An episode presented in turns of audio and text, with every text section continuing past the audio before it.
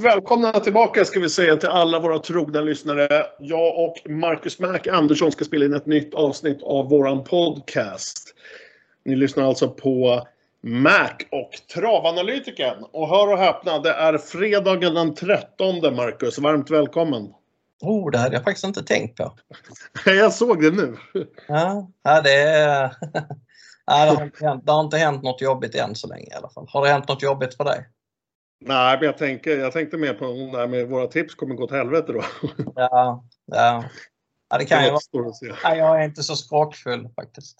Nej, det är faktiskt inte jag heller. Men vi har en eh, häftig omgång imorgon lördag. Det är V75 från de norrländska regionerna, närmare sagt Umeåker. Som ATG säger så är det 49 miljoner jackpot. Eh, men vad är det? Var det 23, 23 extra typ eller? 23,4. 23,4. 23,4 ja. Eller 23 miljoner 432 119 kronor för att vara exakt. Då vet vi vad vi har att stångas om. Precis. Det ska vi göra. Uh, hur har veckans jobb gått med den här omgången då, Marcus? Ja, jag har läst på extremt mycket kan jag säga. Jag det är bra. Skulle bli förvånad om någon har läst på mer än vad jag har gjort den omgången. Ja, men gediget arbete, det lönar sig i längden. Och eh, jag vet att du, du brukar vara rejält med påläst och, och det är därför det även är kul att spela in den här podden med dig. Mm, detsamma. Eh, Umeåker då, som travbana, vad, vad, vad, har du att säga? Ah, det är ju ingen travbana som jag är på eh, speciellt ofta om jag säger så. Jag har, har du varit där? Aldrig varit på Umeåker. Jag har varit, eh, funderat på det någon gång men eh, det har aldrig blivit så. Men det är väl egentligen inte sådär, jag vet inte. Det, jag har sett lopp därifrån rätt mycket. Det är väl ingenting som man tänker på att, eh, att, att det ska vara något spår som är extra problem eller något, något sånt här. Utan uh, innerspår är bra att ha. Uh, ja, det är, andelen spetssegrare är kanske aningen mindre än riksgenomsnittet läste jag någonstans. Men uh, samtidigt så är skillnaden så marginell så att det säger inte speciellt mycket egentligen. Så jag tror Nej. att behandla det som en vanlig bana. Det är en standardbana. Jag tänkte på upploppet och satt och tänkte, men jag, jag, du får rätta mig om jag har fel. Är det inte typ 188, 187? Det var en bra fråga. Så är det kanske. Jag tror det. Jag måste nästan googla för att uh, ta fram den sen, men vi kan kolla det sen. Men jag har för mig att liksom allt är, det är liksom inget konstigt som sticker ut med den här banan. Nej. Nej, det är väl rätt normalt om jag säger så.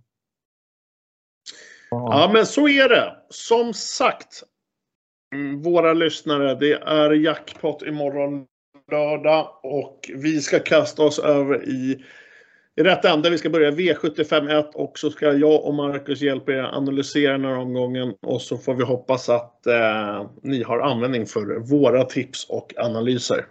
Mm. Men Marcus, är du, är du redo? Är du beredd? Ja, jag skulle bara hitta det faktiskt. Det är 184 meter är upploppet. Mm. Ja, det är ju fel med 3-4 meter. Det är 190 meter så att det, ja, det, är, det är väldigt, väldigt likt genomsnittet.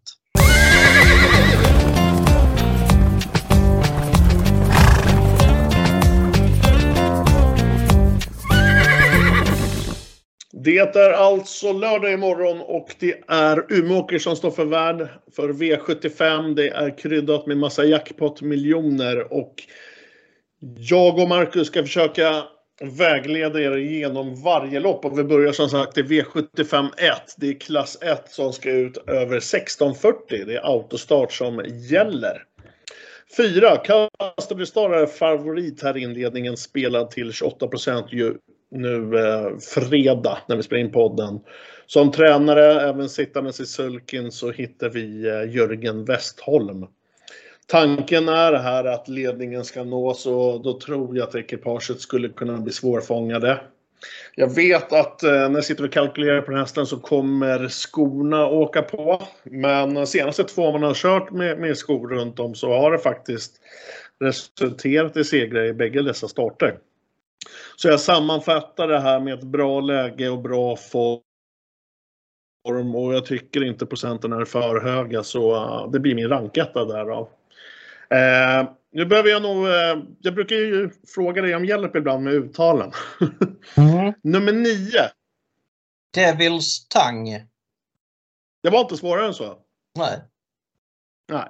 Nummer 9, Devils Tang, Sandro Eriksson, är värd ett streck i den här starten tycker jag. Det är stigande formkurva, hade krafter kvar efter den förra starten. Även den var just på, på Umeåker. Sen Sandra Eriksson som kusk tycker jag faktiskt har blivit sjukt bra. Hon blir bättre och bättre och tillhör väl faktiskt de eh, bland de bästa i eliten där i de norrländska regionerna. Själva hästen, Devils Tang, eh, tycker jag har riktigt bra skalle och bra kapacitet för den här klassen och tycker jag ska ses med, med bra chans i det här loppet. Eh, andra som eh, ska sträckas enligt mig är nummer 6, Fabulous Pellini, nummer 3, Twigs Got You. Eh, däröver, alltså jag, jag har svårt att se det skrälla inledningen av eh, V75 eh,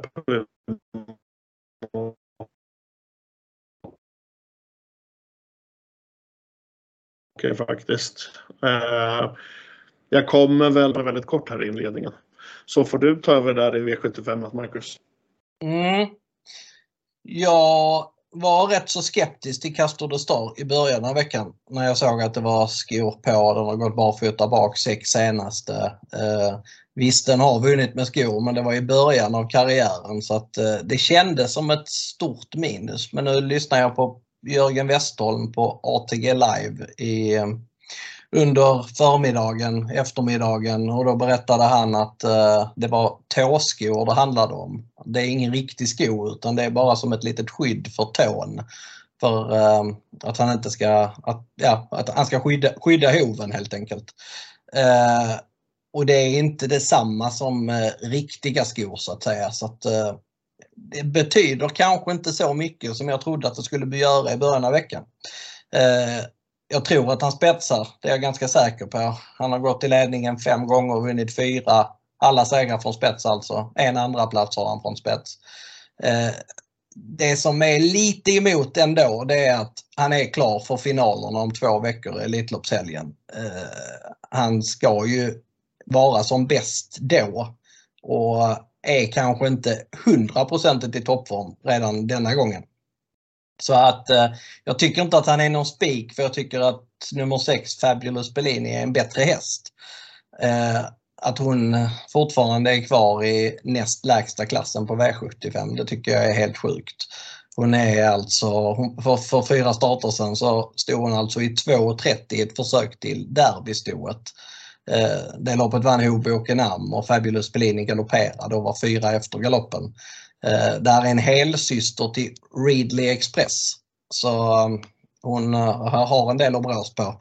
Eh, och hon är väldigt, väldigt bra också. Hon kom till, Redé, eller till Wäjersten i början av, eller under vintern och hann göra två starter där i början av året. Eh, var ruskigt bra senast när hon hamnade bakom Quartzia. Hon stod 20 före Quartzia men hamnade bra bit bakom eh, Quartia Quartzia från, från början ändå. Men spurtade bara ner den via 12 sista varvet och var ruskigt fin. Det som talar emot henne här det är att det är kort distans. Hon har aldrig varit ute på kort distans. Det är knappast någon fördel. Det hade varit mycket bättre med full väg. Men att hon är bästa hästen det är ingen tvekan om. Så att kommer hon bara till i loppet så tror jag absolut att hon kan slå Casper de Star.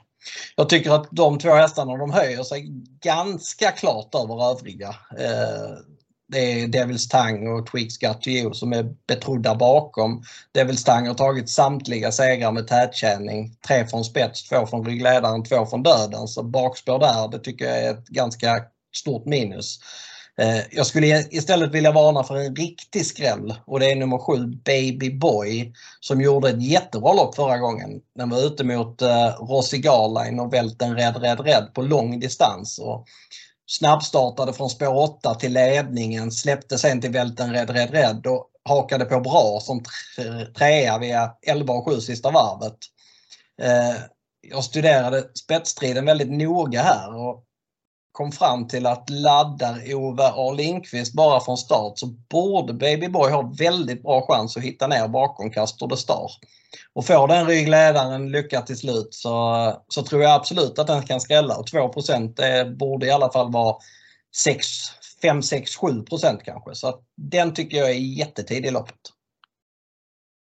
Ja men Cole Marcus, det är alltså inledningen på jackpot-omgången på Umeåker. Det är alltså V751. Och eh, har du något mer att tillägga? Annars så blickar vi över till V752. Nej, jag kan väl bara säga att det är väldigt mycket snack om nummer ett, SG Flying Diaval. Den eh, körs av Björn Goop för första gången och visst, det är intressant. Men den är inte startsnabb och det har blivit väldigt mycket snack på att den ska gå barfota och med bike. Om man kollar statistiken på barfota och bike så har den gått med barfota 9 gånger aldrig vunnit. Med bike 15 gånger aldrig vunnit. Och med kombon barfota och bike 4 gånger och alltså inte vunnit. Så att eh, det, det draget det köper jag inte alls. Eh, tack för den informationen Marcus. Det var V75 1 och nu blickar vi över till V75 2. Yes.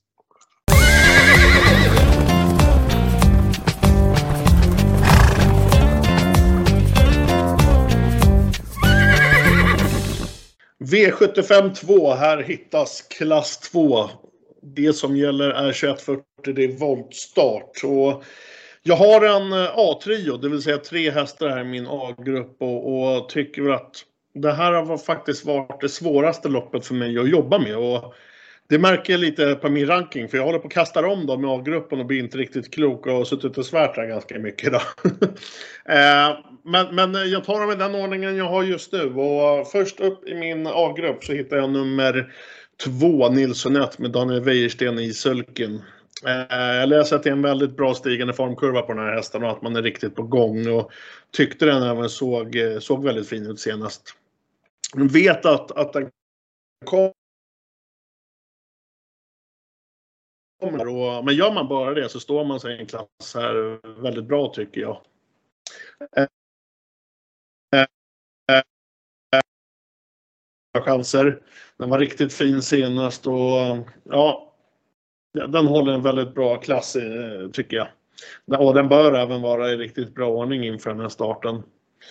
Nummer 12, Ferux Brick, Ulf Olsson där i sulken. Ja, kanske lite nitlopp med, med spåret, men det är en riktigt bra häst och den är ju väldigt stark och tål att göra jobb också. Eh, och jag vet att man ska till den här starten eh, lätta i balansen, vilket eh, då ska ge lite mera maximerad effekt. Så jag tycker även att den ska räknas eh, med chans från eh, spår 12 som, som man har fått. Eh, som jag nämnde i början, jag tycker det är ett väldigt öppet lopp och eh, jag ska även dela ut en, en liten skrällvarning. Och den ger jag nummer ett, Missai, som får den skrällvarningen. Just nu spelar till 3% Jan-Ove Olsen, Olsen sitter i sulken. Eh, och jag tror man väl att, att det är ett litet passande startspår där man kan använda sig av flera passande taktiker i det här loppet. Och jag vet att den har en riktigt bra Sylvas spurt att tillgå om lucka kommer sen. Kolla speciellt arkivet för tre starter sen så, så vet ni vad jag pratar om. Men jag tycker i alla fall att det är ett roligt speldrag till 3% Men som sagt, eh, jag tycker, jag ska välja med, jag tycker sjukt svårt lopp faktiskt. Så får du ta över Marcus. Jag tycker det är ett sjukt bra lopp skulle jag säga. Jag tycker eh, där är sex hästar i det här loppet som jag tycker håller eh, väldigt hög klass för att vara lägsta klassen på V75. Eh, nio bara Mahara är favorit. Eh, jag har läst att det är många som ställer sig tveksamma till den att den är favorit och det, det gör faktiskt inte jag lika mycket för jag tycker att det är en riktigt bra häst. Den eh, det säger, säger en del att den var borta i princip i två år. Men bärgaren valde ändå att behålla den i stallet. Då måste man tro väldigt mycket på hästen. Och efter uppehållet har den vunnit eh, fem av sex starter och ehm, eh, enda, vid enda förlusten då galopperar den. Senast var den ute i ett eh, lunchlopp innan V75-omgången eh, och bärgaren han lämnade inget åt slumpen från spår 15. Han avancerade redan efter 500 meter. Eller han avancerade direkt för han var ute i tredje spår direkt faktiskt. Och eh, sen eh, körde han fram i döden så eh, körde mot ledaren i princip hela vägen. Jag hade 13 och 4 sista 1600 meterna och han visade både styrka och skalle. Eh, tidigare har han visat enorma fartresurser för, för klassen. Eh, jag läste att det skulle vara minus med voltstart. Ja, det kanske det är, men han har aldrig haft problem med det förut. Han har till och med gått iväg från spår 5 så att han skulle, att han skulle fela från spår 9 i volten, det tror jag inte på. Jag tycker att han, han har bäst chans i loppet. Eh, men jag tycker att 12 Ferox Brick har i stort sett lika bra chans. Så att, eh, det är lite hugget som stucket vem man, vem man tippar av de två. Eh, Fredrik Sprick är mindre spelad så därför så har jag honom överst i min rank just nu. Han, eh, honom var de inte speciellt nöjda med förra gången men Eh, det säger en del om vad de tror om hästen. Det är lite samma sak där som med Bara Mahar att eh, han hade haft ett jätte, jättelångt uppehåll och sen kommit tillbaka efter det med två vinster på tre starter. Jag hade 13 och 9 1700 meter på honom efter ett offensivt upplägg förra gången. Du var inne på det att man skulle lätta honom i balansen nu. Dessutom tar man bort huvan på honom så att han hör eh, eh konkurrenterna lite mer. Det brukar också vara positivt. Eh, jag tycker att de två har, eller eh, jag tycker att de två är bäst i loppet. Sen eh, kanske två Nilsson ett platsar i min A-grupp också. Beroende på att jag tror att han har bra chans att köra sig till ledningen. Han har gått till spets två gånger och har en, minst en andra plats från spets. Eh, det som jag tycker är lite jobbigt med honom det är att jag tyckte att han var så förbättrad med helstängt huvudlag förra gången. Nu vågar inte Wäjersten köra med helstängt när det är voltstart så att han återgår till det halvstängda. Och det halvstängda tyckte jag att han var lite seg med näst senast så att jag hade hellre sett att det hade varit helstängt på honom. Men han är ändå tidig du varnar för Missai, den varnar jag också för. Den var ute i kungapokalskval förra gången. Eh, kan han eh, hålla ut springspårshästarna från början och släppa till Nilsson 1 så kan han bli väldigt giftig på speed. Sen tycker inte Berg att nummer 10 Dream Sensation är alls sämre än 9 Bara Mahara men det skiljer väl 4, 5, 6 gånger på spelet så att eh, eh, den är också värd att passa. Eh, Firefoot är mycket betrodd. Kapacitetsmässigt så är den lika bra som eh, de, de jag har nämnt. Men eh, han har haft väldiga problem med voltstart. Han har faktiskt felat direkt i tre av fyra eh, voltlopp. Så att eh, det är klar galopprisk på honom. Jag tycker därmed att han ska rankas ner. Tar man de sex hästarna eller kanske struntar i Firefoot på, på den höga galopprisken så tror jag att man klarar sig väldigt långt här. Eh, så så kommer jag nu att spela. Ja, kort Marcus. Eh, det var V75 2 och kändes väl som vi tycker ungefär lika i alla fall på, på, på den främre delen av vår ranking i alla fall om vi säger så. Ja, så är det. Eh, vi blickar över till V75 3. Det är gulddivisionen och storstjärnan Don Fanucci Zet kommer ut.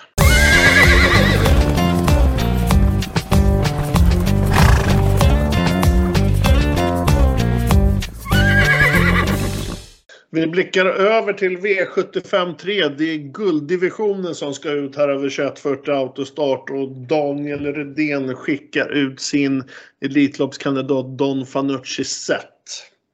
Ja, det är en riktig jäkla stjärna det där och vinner väl för det mesta och 10 miljoner på kontot och nu siktas det väl att vinna även Elitloppet.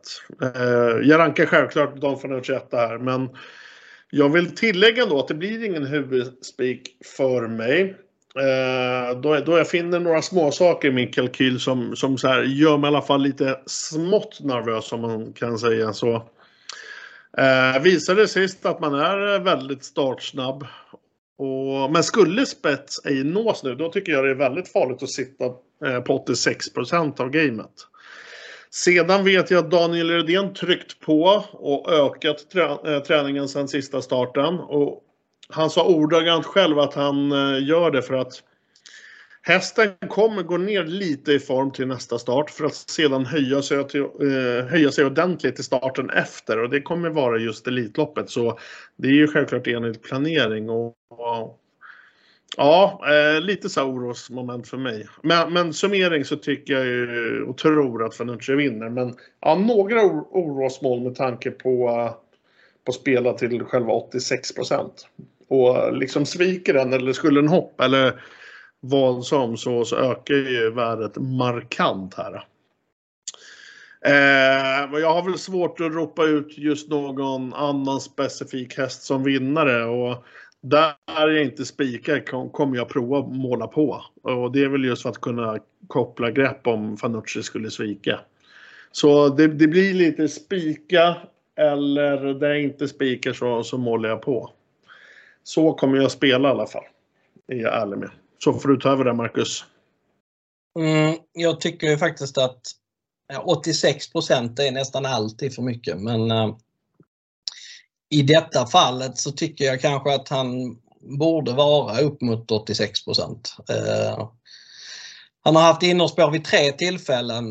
Eh, han har spetsat i två av dessa en gång så blev det faktiskt galopp i första sväng i spets. Eh, men då gick han barfota för första gången. Då ville man testa det inför något eh, viktigare lopp och han redde inte ut det riktigt den gången.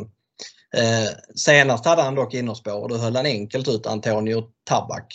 Eh, han har gått i ledningen 13 gånger och vunnit 12. En gång har han förlorat, det var mot Aetos Kronos i Kungapokalen. Eh, han såg fantastiskt fin ut när han vann förra gången. Jag vet att Redén har uttalat sig så som han har uttalat sig. Jag läste också det uttalandet men jag lyssnade på Redén på liven idag och det känns lite som att han, har, han som har gjort intervjun med, med Redén har nu missuppfattat det hela lite för att Redén säger ju att han kommer inte vara sämre än vad han var förra gången. Han kommer ju snarare vara bättre än vad han var förra gången för att sen vara ytterligare förbättrad till Elitloppet. Jag tror att han kommer vara riktigt bra. Eh, det finns en häst som skulle kunna häxa för honom från start och det är Diamanten men samtidigt med Diamanten vill Björn ha rygg på Don Fanucci sätt. Han vill inte ha ledningen. Han vill, han vill hitta ner bakom Don Fanucci sett. Så jag tror att han laddar lite lagom för att komma ner bakom. Skulle han mot förmodan ta sig förbi så är det Antonio Trott som har nummer två. Då borde det uppstå en lucka så att eh, Örjan kan ta sig ut och sen köra till ledningen i ett andra läge. Så att jag tycker inte att det finns så många moln på himlen. Eh, jag kommer spika dem Fanucci sett på i stort sett alla lappar. jag har några lappar som heter spiklösa. Där kommer jag givetvis inte att spika. Och på de systemen så kommer jag sträcka i första hand Esprit Sisu, i andra hand Diamanten, i tredje hand Antonio Trott. Och sen är det möjligen, möjligen Make the Mark som har chans.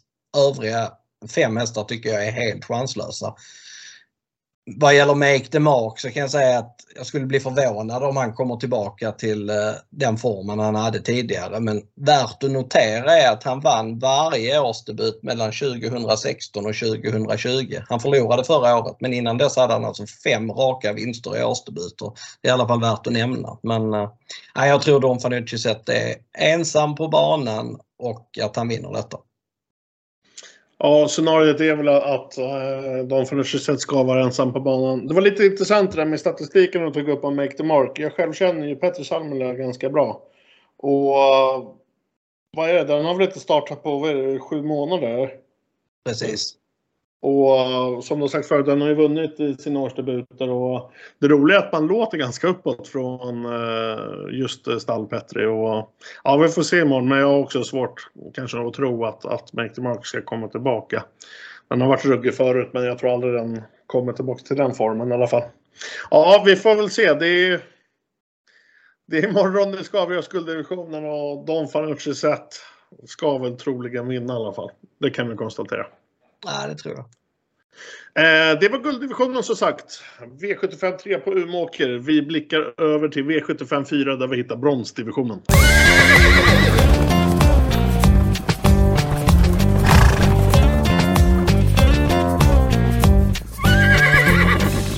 V75 4 på Umeåker. Det är bronsdivisionen och det är 2140 autostart. Min Första häst i min A-grupp blir nummer tre, Red Lilla Väck med Oskar J Andersson som får favoritskapet här hos mig som sagt. Har kollat just förra starten i arkivet flertalet gånger idag. Ja, den här insatsen är sjukt bra tycker jag.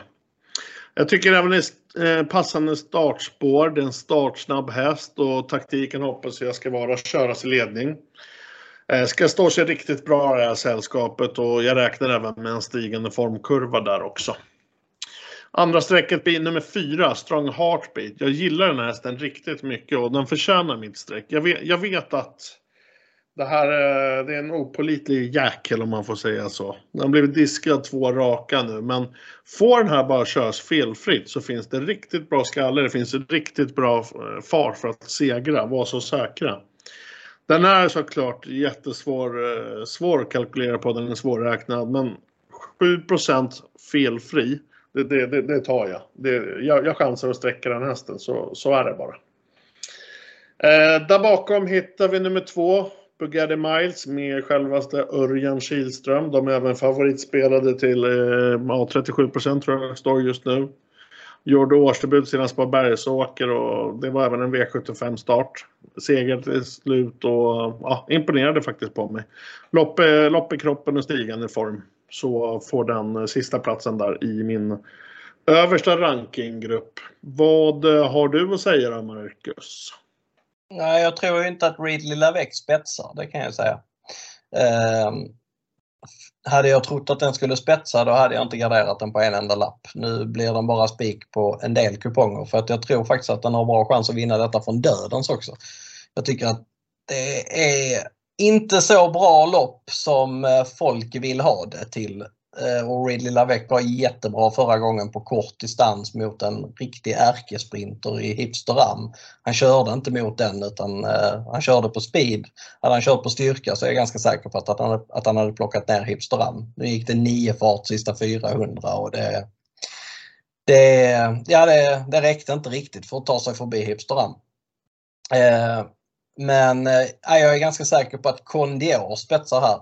Eh, väldigt svårt att se att de ska släppa ledningen med Condior också. Han har tagit eh, fem av sina vinster från, eh, från spets. Eh, eller till och, med, till och med sex av sina vinster från spets eh, av åtta. Eh, Fem av dem har dock varit på 1600 meter. Eh, så att, eh, eller om det var fyra. Ja det var något sånt i alla fall. Det var väldigt, väldigt många som var på 1600 meter. Så att, eh, han, är ju, han är ju en sprinter. Men första ljus är intressant. Han har eh, bytt gård efter starten förra gången. Han står, tränas numera i Göteborg. Sånt brukar kunna vara lite formhöjande. Så han kommer säkert göra en förbättrad insats. Men jag hade hellre sett att det hade varit 1600. Men eh, han är ändå min ranktvåa bakom Ridley Lavec. Vad gäller Bugatti Miles så dömde jag ut honom fullständigt förra gången i årsdebut. Jag förstod inte alls varför han var favorit. Och jag kan säga att ja, han vann det loppet. Han var aldrig med chans under hela loppets gång förutom typ 100 kvar. Då dök han upp längst ut i banan och så tyckte man att jäklar vad bra han spurtade. Och så tittar man på klockan och så, så insåg man att fan, det var nog de andra hästarna som var ganska dåliga här för den avslutningen han gick borde inte ha räckt. Han avslutar alltså i 11 och 3 sista 400 och plockar 20-30 meter på dem där framme. Det, det, det, borde inte ens ha räckt till pengar. Så att jag, och nu, I och med den segern så är han klar för finalerna i Elitloppshelgen om två veckor. Eh, så att jag tror ju inte att det blir något jätteoffensivt upplägg. Det är en dålig favorit skulle jag säga. Eh, Strong Heartbeat, ja den var du inne på där det intressanta med Strong Heartbeat är att han har gått med öppet huvudlag i hela sin karriär. Nu kommer han gå med norskt huvudlag där man fäller ner skygglapparna redan 700 kvar för att få honom mer fokuserad. Det är väldigt spännande information men jag hade hellre sett att han hade haft spetsläge för det är en riktig spetshäst. Han har tagit sex av sina åtta segrar från ledningen. Eh, när han får trava i andra spår då funkar han inte lika bra och jag vill se en bra insats på honom innan jag köper honom som, nu är han inte så mycket betrodd, men innan jag köper honom som ett tidigt segerbud på V75. Eh, alltså jag, jag tycker att Ridley Lavec är klar första häst här. Men jag hade ju hellre sett att jag hade trott att, jag, att han skulle komma till ledningen. Men eh, det kan bli att jag garderar brett här också. Eh, jag tycker där är en, flera lågprocentare som faktiskt kan vinna. En sån som Shapes nummer 9 avslutade strålande förra gången det är spännande ändringar på Elis Pride med barfota och bike precis som det var vid andra platsen näst senast och han flög fram bakom Borups Tornado och det var underkant 10 sista sju den gången. Så att eh, eh Ja, jag känner väl mest för Ridley Lilla näst mest för Condier och sen annars så blir det att måla på i detta loppet. Ja, men kort Marcus, det var V75 Fyra, det var bronsdivisionen där både jag och Marcus har nummer tre, Red Lilla Väck som tipsetta. Och vi ska blicka över till V75 5 där vi har ytterligare en ny stor favorit och självklart så är det Örjan den här gången som sitter på leken igen.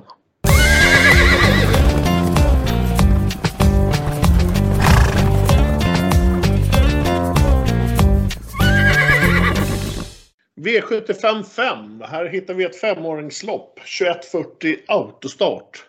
Nummer 10, Mr Hercules, Örjan Kihlström i cykeln. Kollar vi på senaste starten så bara lämnade de övriga ekipage i sista sväng och ja, den här hästen imponerar verkligen mer och mer på mig. Eh, kollar vi i år så har den fått två lopp i kroppen och ja, dessa har båda vunnits. Eh, ja, tio startande hästar i den här starten. Det är väl ingen direkt som räds min, min favorit i alla fall. Eh, vi ska komma ihåg nu, om vi kollar ur ett spelperspektiv, så är vi framme i avdelning 5. Det är 61% favoritskap. Eh, så att liksom skulle Mr Hercules svika och vi får in någon skräll så kommer värdet att stiga markant. Och ehm, jag kan säga att jag kommer spika Mr Hercules. Eh, men likt gulddivisionen och Don Fanucci sett, där jag inte spikar så kommer jag måla på. Det känns korrekt i min synvinkel för att spela mot att vinna mycket. Eh, kollar vi på lite andra hästar så är givna för mig när man garderar det är nummer 4 eh, Romer Pace Off samt nummer 9 Corriere Bocco. De är givna med en gardering men jag tänkte att jag kanske ska nämna några med betydligt mindre procent på. Och då vad har vi att leka med då, Marcus? Jo, nummer ett kanske, Hector Sisu. 3% hittas där. Ehm, det jag tycker är intressant där, det är väl kanske innespåret i kombo med barfota samt att formen är, är väl ganska bra. Ja, lucka och vassspurt så skulle den kunna fälla. Och, och, då provar jag i alla fall när, när jag garderar. Sedan nummer 6, Maestro Mom, spelar till 4 eh, i den här starten. Den kom faktiskt tvåa eh, sist bakom just favoriten Mr Hercules och avslutade sjukt snabbt. Eh, två spår in nu gentemot sist. Så ja, ja men den provar jag med också. Det var några nämnda men, men jag kan eh, jag kommer även gå bredare än så där, där som sagt jag inte spikar. Vad du säger då Marcus?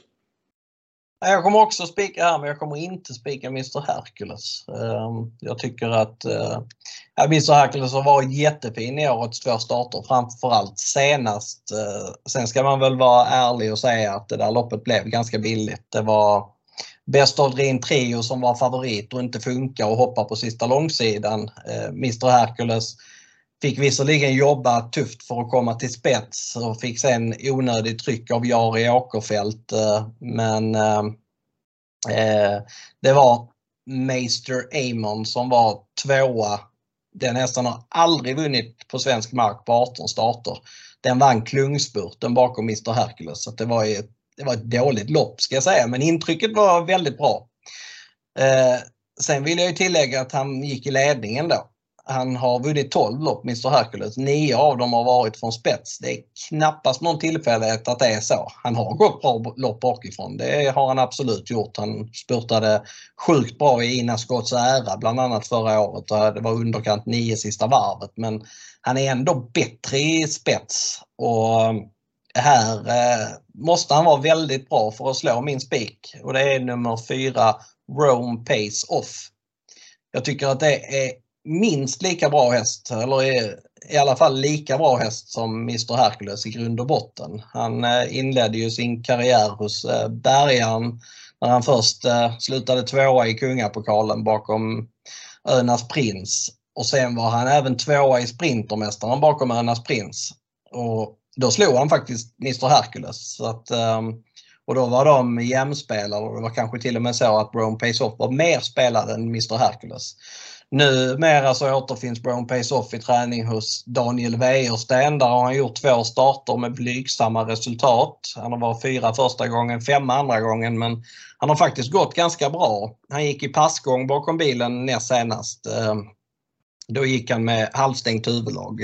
Eh, och ja, kom inte riktigt i balans med det bakom bilen. Tappade massor men sen gick han väldigt bra eh, som fyra som sagt bakom Motör och Brambling. Två hästar som var högaktuella för Elitloppet.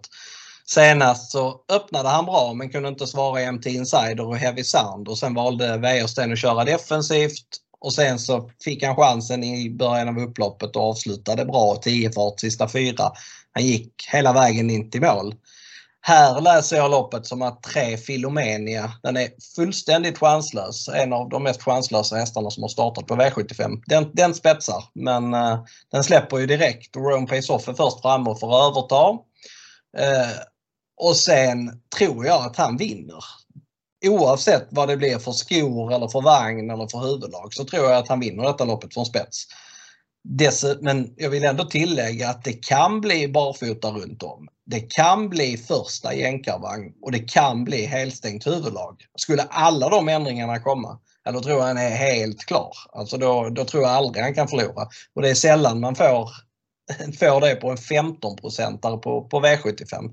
Att man tycker att han är så klar. För jag tycker verkligen att han är så klar om ändringarna är där. Jag tycker bara att han har toppchans om ändringarna inte blir. Men eh, ja, jag kommer att spika honom. Det är inget, inget att snacka om. Hör och häpna, Marcus är helt inställd på nummer fyra, Ron Pace-Off. Och eh, till, till er lyssnare och även för mig, det gäller väl att hålla lite ögon där imorgon vad exakt vilka ändringar som görs då. Precis. Eh, V75 5 var det som sagt och vi blickar över till V75 6. Det kommer bli lite krångligare för det är diamantstoet.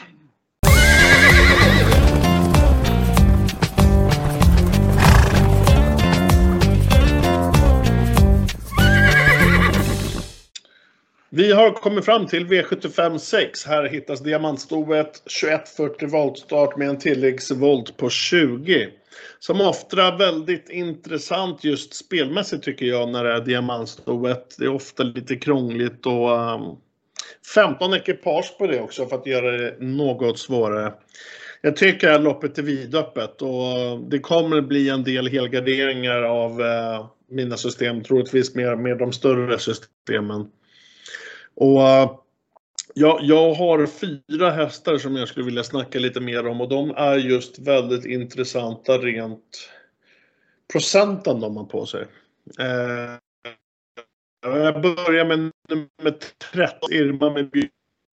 Den här har varit ute i rätt tuffa lopp. Ska troligen rustas nu med första rycktussar. Det är klart intressant. Hoppas att det blir så även.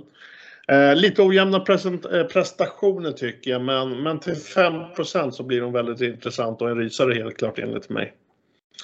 Eh, sedan har vi nummer 8, Bla Black Magic Eyes, Per Lennartsson. Bra kapacitet, härdade tuffa lopp, det är bra styrka på den. Kollar man förra året så eh, kvalade hon ju även in till finaler som E3 och British Crown. 4% är bra spelvärt enligt mig. Vi blickar vidare. Nummer 9, Impel AM, Daniel Wäjersten. Formen blir bättre och bättre, närmar sig topp. Behöver väl ha en bra tilltalande resa och rätta ryggar, men om det skulle bli så så tror jag hon fäller de flesta till slut. 6% här skulle kunna vara mumma då.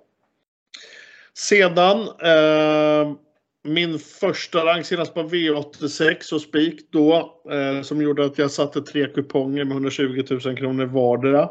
Jag talar givetvis om nummer 14 Krakas.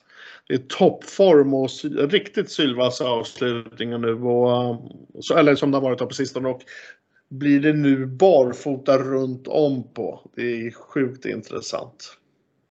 Eh, men som sagt, jag tycker det är vidöppet. Jag kommer sträcka sträcka vilt. Jag kommer måla med penseln och allt vad det heter. Eh, och på vissa system så kommer jag vara väldigt fräck och gå, gå med de här fyra strecken bara. Så får du ta över Marcus. Mm, jag tycker också att det här är jätteöppet. Jag kommer också ta alla. Eh, eh på, på några kuponger. Eh, jag kommer dock också gå tunt med fyra streck på eh, några lappar. Har, av mina fyra streck då har vi bara en som är gemensam och det är just nummer 14 Krakas. Det är en sjukt bra spurtare. Kommer han eh, Kommer hon iväg bra från springspår och hittar en vettig position och sitter i läget in, in på upploppet, ja då tror jag hon har bra chans att blåsa förbi dem.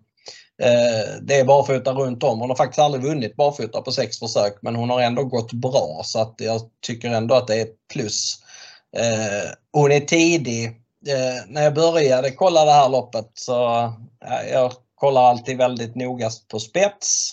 De vinner väldigt många lopp från ledningen och kom fram till att sju Gumman Sisu, ja den, den borde ha jättebra spetschans. Eh, men den var ju så lite spelad så jag tänkte att den, och den vann på 1600 förra gången och går upp rejält i klass. Och den kör de väl inte i spets och började titta på vem som skulle få överta. Men sen så lyssnade jag på Lars Wikström idag och han verkar vara helt inne på att Gumman Sisu ska gå i spets faktiskt. Och jag kan ändå köpa det. Hon vann på 13 blankt 1600 volt förra gången med krafter kvar. Hon borde i alla fall springa en hög 13-tid. Eh, och det, det kan räcka, absolut. Hon har gått i spets fem gånger och har raden tvåa, etta, tvåa, tvåa, etta i spets. Eh, hon eh, ska inte vara på 2% Det är helt, helt klart. Så att hon är en av de fyra som jag vill varna för. De andra två det är två riktiga formhästar. Det är tre Special Top Model som hade vunnit V75 förra gången om den bara hade fått chansen. Den gick alltså 12,5 full väg då med krafter kvar och hade garanterat vunnit om den hade fått luckan. Eh, det gick 11 och en sista varvet. Så att, eh, det var vanlig vagn nu, det har varit bike två senaste. Men faktum är att alla tre segrar är tagna med vanlig vagn så det tror jag inte spelar så där jättestor roll. Jag hade helst sett att hon skulle komma till ledningen. Där har hon vunnit två av fyra och en andra och en tredje plats. Men hon går ju väldigt bra bakifrån också så att eh, hon är tidig. Detsamma gäller med sex Konrad Sanett den hade jag lite som favorit på att få överta från Gumman Sisu. Nu verkar inte så bli fallet att någon ska få överta från den men Konrad Sanet den går också väldigt bra bakifrån. Den vann bakifrån för tre starter sedan bland annat. Då slog den bland annat det här loppets favorit Succession nummer 5. Eh, väldigt klart och avslutade underkant 11 sista sju. Senast var den ute i ett Margareta-lopp. Då avslutade den också väldigt bra. Jag hade 10 och 2 sista fyra. Så att, eh, den är också väldigt eh, tidig. Jag kommer väl chansa att gå på de fyra hästarna. Eller jag tror att man har hygglig chans att klara sig på de fyra hästarna faktiskt. 3, 6, 7, 14. Eh, favorit är som sagt Succession. Den tyckte jag var bra näst senast. Jag trodde på den på V75 förra gången. Men grejen var att det var bike näst senast och det verkade ju göra väldigt mycket för henne för att hon borde ju verkligen ha hållit undan från spets förra gången. Eh, denna gång kom hon inte till någon ledning. Dessutom är hon i stort sett klar för finalen under, i diamantstoet Elitloppshelgen så att eh, det känns mest som att hon ska ha ett lopp i kroppen andra hårt betrodda hästar i det här loppet som är finalklara som jag vill nämna. Det är två Cute and Charming. Den är klar för finalerna i Elitloppshelgen. Ska därför gå med bakskor nu. Detsamma gäller 12 Star On Your Marks. Också klar för finalerna och troligtvis blir det bakskor på. De är överspelade båda två.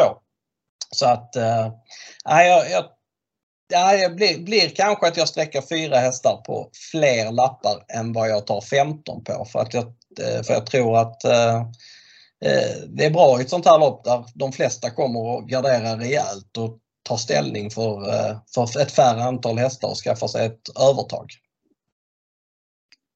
Ja, eh, men kort Marcus. Vi har eh, olika, alla vi var ju lite överens där om, om Krakas, annars var vi inte mer överens om att vi skulle helgardera båda två på vissa lappar. vi får se imorgon helt enkelt och kanske är det dags redan i V75 6 att köpa försäkring av varandra. Vem vet? Eh, V75 7. Vi har silverdivisionen kvar Marcus. Ska vi blicka dit? Ja men det gör vi.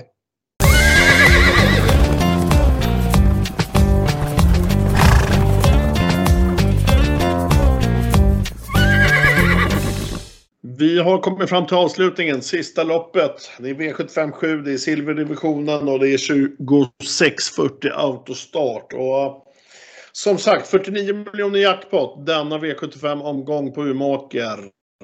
Pengarna ska fördelas. Ja, likt eh, faktiskt V75 2 eh, så, så har jag fått lite problem med det här loppet. Eh. Men ja, nummer 10, Digital Dominance, får mitt första streck just nu. Det är Mats E. Ljus i sulken. Det är en styrkehäst och min förhoppning är att man ska köra offensivt här. Jag vet att den längre, eh, gillar längre distanser och tycker att den kommer med bra form också. Det blir mitt första streck i ett, vad jag tycker är ett väldigt öppet lopp. Eh, nummer sju, One Kind of Art, Oskar J Andersson. Det blir mitt andra streck. Just nu fredag förmiddag spelas endast till 5 det här är en sylvass avslutare och jag tycker det är härligt nu att jänkaren åker på också. Spåret är väl något långt ut, eh, men man hittar man ner så tycker jag chanserna ska vara goda. Betydligt mer goda än vad procenten som visas i alla fall. Eh, inplacerad nummer tre på min ranking. Det är nummer ett, Amalensius BB med Örjan Kihlström. Den har imponerat sjukt mycket på mig. Men när jag kalkylerar på den här, ja, det är lite minus på, på dagsformen. Samt något minus på startspåret. Och, men givetvis förtjänar den en, ett streck och, och ska räknas såklart. Eh, jag bjuder på en skrällvarning här i avslutningen och den går till nummer 5 Dwayne Sett. Magnus A. Ljus i sylken. Här finns det ett väldigt stort kunnande. Eh, och den har ju även varit ute tidigare mot hästar i gulddivisionen bland annat. Samma på denna, att det, det, finns lite som man måste kalkylera minus på men, men till 4% så kan det vara farligt att glömma så jag kommer i alla fall att sträcka den. Vad har du att säga om avslutningen Marcus? Eh, jag kan börja med att säga om Amalensius. Den eh, ägs ju av Johan Lendenius på Möllans pappa. Han deläger den hästen och jag fick faktiskt lite information från honom under dagen. Och det var att eh, han var ju inte frisk i samband med förra starten. Eh, och eh, har fått vila efter det. Eh, tränar bra nu men inte lika bra som inför årsdebuten. Eh, så att eh, jag tror inte att man kommer få se någon sån monsterprestation från honom. Dessutom så tycker jag att läget är inte alls bra för honom. Han har, haft, han har hoppat fyra gånger med framspår bakom bilen. Två av dessa har varit från just spår 1. Ena gången var det hejdlös galopp, andra gången hoppade han i spetsstrid efter 200 meter. Eh, jag tror inte att Örjan vågar ladda jättetufft med honom för då tror jag han felar. Eh, och därmed så tror jag att både två Huddlestone och tre Santis Cocktail tar sig förbi. Jag tror inte att någon av dessa körs i spets. Huddlestone är ny i klassen, det är lång distans. Eh, skulle förvåna mig mycket om han helt plötsligt skulle köra på, i spets på V75. Han har inte gjort det så många gånger innan. Han har oftast släppt även om han har kört i spets en gång. Santis Cocktail är likadant där. Den är i stort sett klar för finalerna under Elitloppshelgen. Det gäller bara att få en hygglig placering här.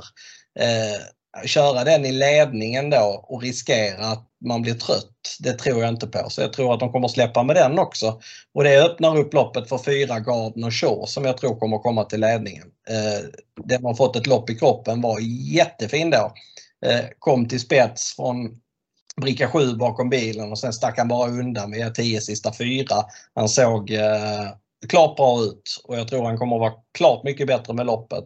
Han har vunnit fem gånger på distansen. Han har vunnit sju gånger av tio då han har kommit till spets.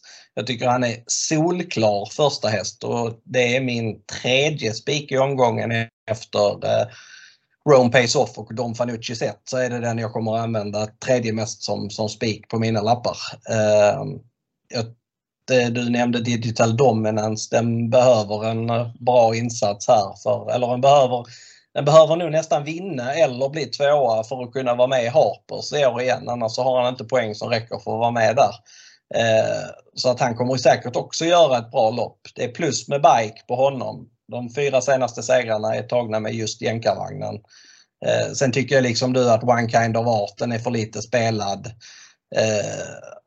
Annars så vet jag inte riktigt. Jag tror man kommer rätt långt på 4, 7, 10 faktiskt. Jag kommer eh, och utelämna Malencius på en hel del av mina system. Eh, jag kommer dock att spika Gardner Shaw på ungefär hälften av lapparna. Ja men koll Marcus, vi har nu alltså analyserat varenda lopp denna V75-omgång från Umeåker med 49 miljoner jackpot. Ska vi, ska vi visa lite utdelning? Mm. Vem börjar? Nej, jag kan säga att den, den kommer ge 112 000 V75. 112 000 och, och då är du 112 000 kronor rikare också va? Ja, absolut. Jag sätter Ja men, 12 system på 112 000. ja, men snyggt. Jag säger så här då. Jag ska ju alltid vara lite fräckare. Mm. Men det blir inte så mycket fräckare. Jag säger, jag säger 149 000. Jag sätter två, tre egna system och sen sätter jag två system tillsammans med dig. Mm. Det var ju snällt. Minst. Ja, ja. eh, nej, men jag har, eh, jag har en känsla av att det blir ja, nej, men runt 100-200 000 tror jag minst bör ge. Alltså, skulle Don Fanucci svika så då, då kan vi prata riktigt stora pengar. Men, men ja, vi tror väl båda att, att den vinner. Mm. Eh, det är fredag nu, Marcus. Mm. Vad, eh, vad bjuder fredagen på? Ja, det blir nog ganska lugnt ikväll faktiskt. Jag tror inte att det... Eh, imorgon blir det kanske lite mer partaj. Eller, ja. Men i, idag så känns det som att det blir, en, det blir en lugn fredag i soffan. Jag tänkte säga att jag skulle titta på Let's Dance, men det är det inte idag. Det är imorgon. Att, eh, Men du, vi närmar oss eh, Elitloppshelgen. ja, det gör vi. Det gör vi. Och, och, och ryktena säger att vi båda ska hem till Johan Lendenius från Möllan på, på lördag förmiddag innan vi ska vidare till Solvalla. Precis. Kul, eller Det hur? kan bli trevligt. Mm. Vad sa du? Ja, det är kul. Mm, det ska bli trevligt tycker jag. som- Och, De ska dit. ja, det blir nog ett gäng. Han har bjudit in hela Sverige, tror jag. Ja. Eh, ja men cool Marcus. Det har i vanlig ordning varit jättekul att spela in ett nytt poddavsnitt. Eh, Och jag hoppas att ni lyssnare ska ha stor användning för, eh, för våra tips och analyser. Och jag passar på här avslutningen och önskar ett stort lycka till på spelen och ha en trevlig helg allihop. Och även du Marcus. Och vi hörs i vanlig ordning imorgon 12.00 för senaste nytt.